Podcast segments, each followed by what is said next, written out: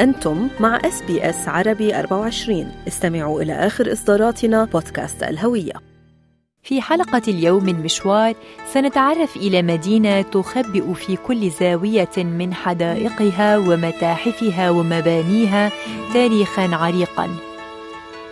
على بعد أربع ساعات من سيدني وثمانين دقيقة من كانبرا ستصل إلى أكبر مدينة في منطقة Snowy Mountains وهي مدينة كوما التاريخية. ينظر إلى هذه المنطقة على أنها بوابة إلى حقول التزلج والمركز التاريخي لمخطط الجبال الثلجية. ولكن من قال أن كوما يجب فقط زيارتها في فصل الشتاء فجمال وتاريخ هذه المنطقة يجعل منها مقرا سياحيا يجذبك لاستكشافه في مختلف الفصول.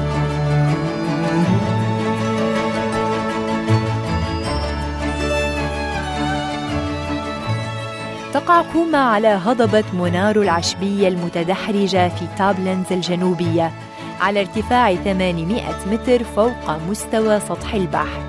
تستمد هذه البلدة الجميلة اسمها من كلمة السكان الأصليين التي تم تهجئتها في الأصل كومبا وتعني بحيرة كبيرة أو بلد مفتوح. يبلغ عدد سكانها ستة آلاف نسمة. ويشكل السكان الأصليون وسكان جزر مضيق توروس أكثر من 3% منها.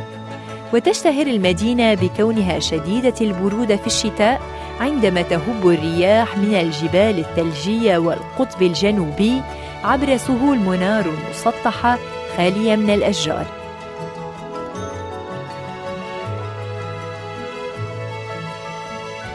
وأكثر أماكن الجذب شهرة في هذه المدينة هي متحف جول للخدمات الإصلاحية الذي يمكنك من الحصول على نظرة ثاقبة رائعة على 200 عام من التاريخ الجنائي لسجون نيو ساوث ويلز من أيام الإدانة حتى الوقت الحاضر. ويقدم جولة إرشادية للتعرف إلى قصص الحياة في السجن والمعروضات من القطع الأثرية.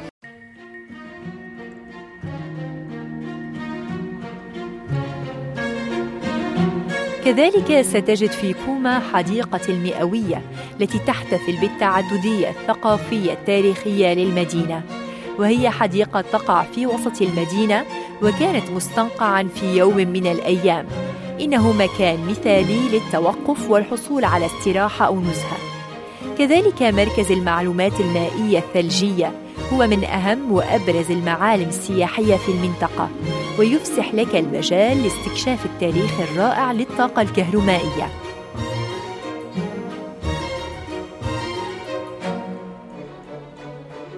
ولمعرفة المزيد عن التاريخ الغني لكوما يمكنك المشي في Lambie Town Walk هذا المسار الذي تم تصميمه سنة 1985 ويبلغ طوله خمسة كيلومترات.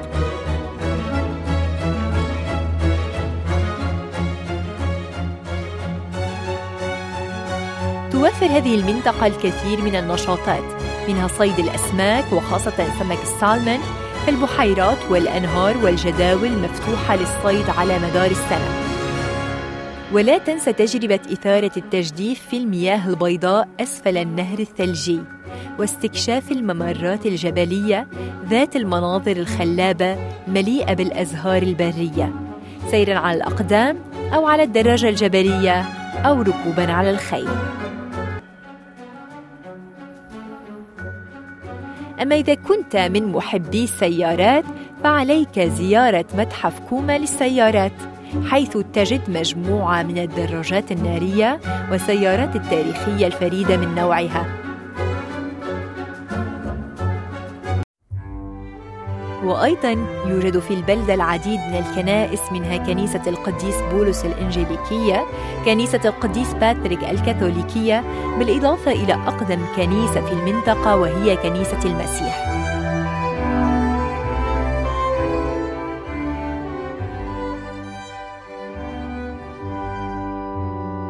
تنظم منطقة كوما مهرجانات مختلفة على مدار السنة مثل مهرجان الموسيقى الشهير في شهر تشرين الثاني نوفمبر والعرض الريفي التقليدي الذي يقام في شهر آذار مارس ومهرجان كوما متعدد الثقافات مع أجواء من الموسيقى والعروض والمأكولات.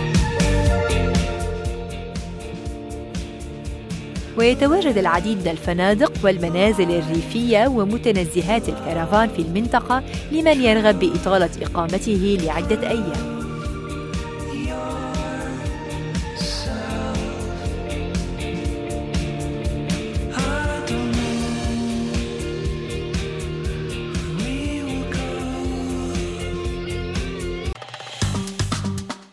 اضغطوا على ال like أو على ال share أو اكتبوا تعليقاً. تابعوا SBS عربي 24 على الفيسبوك.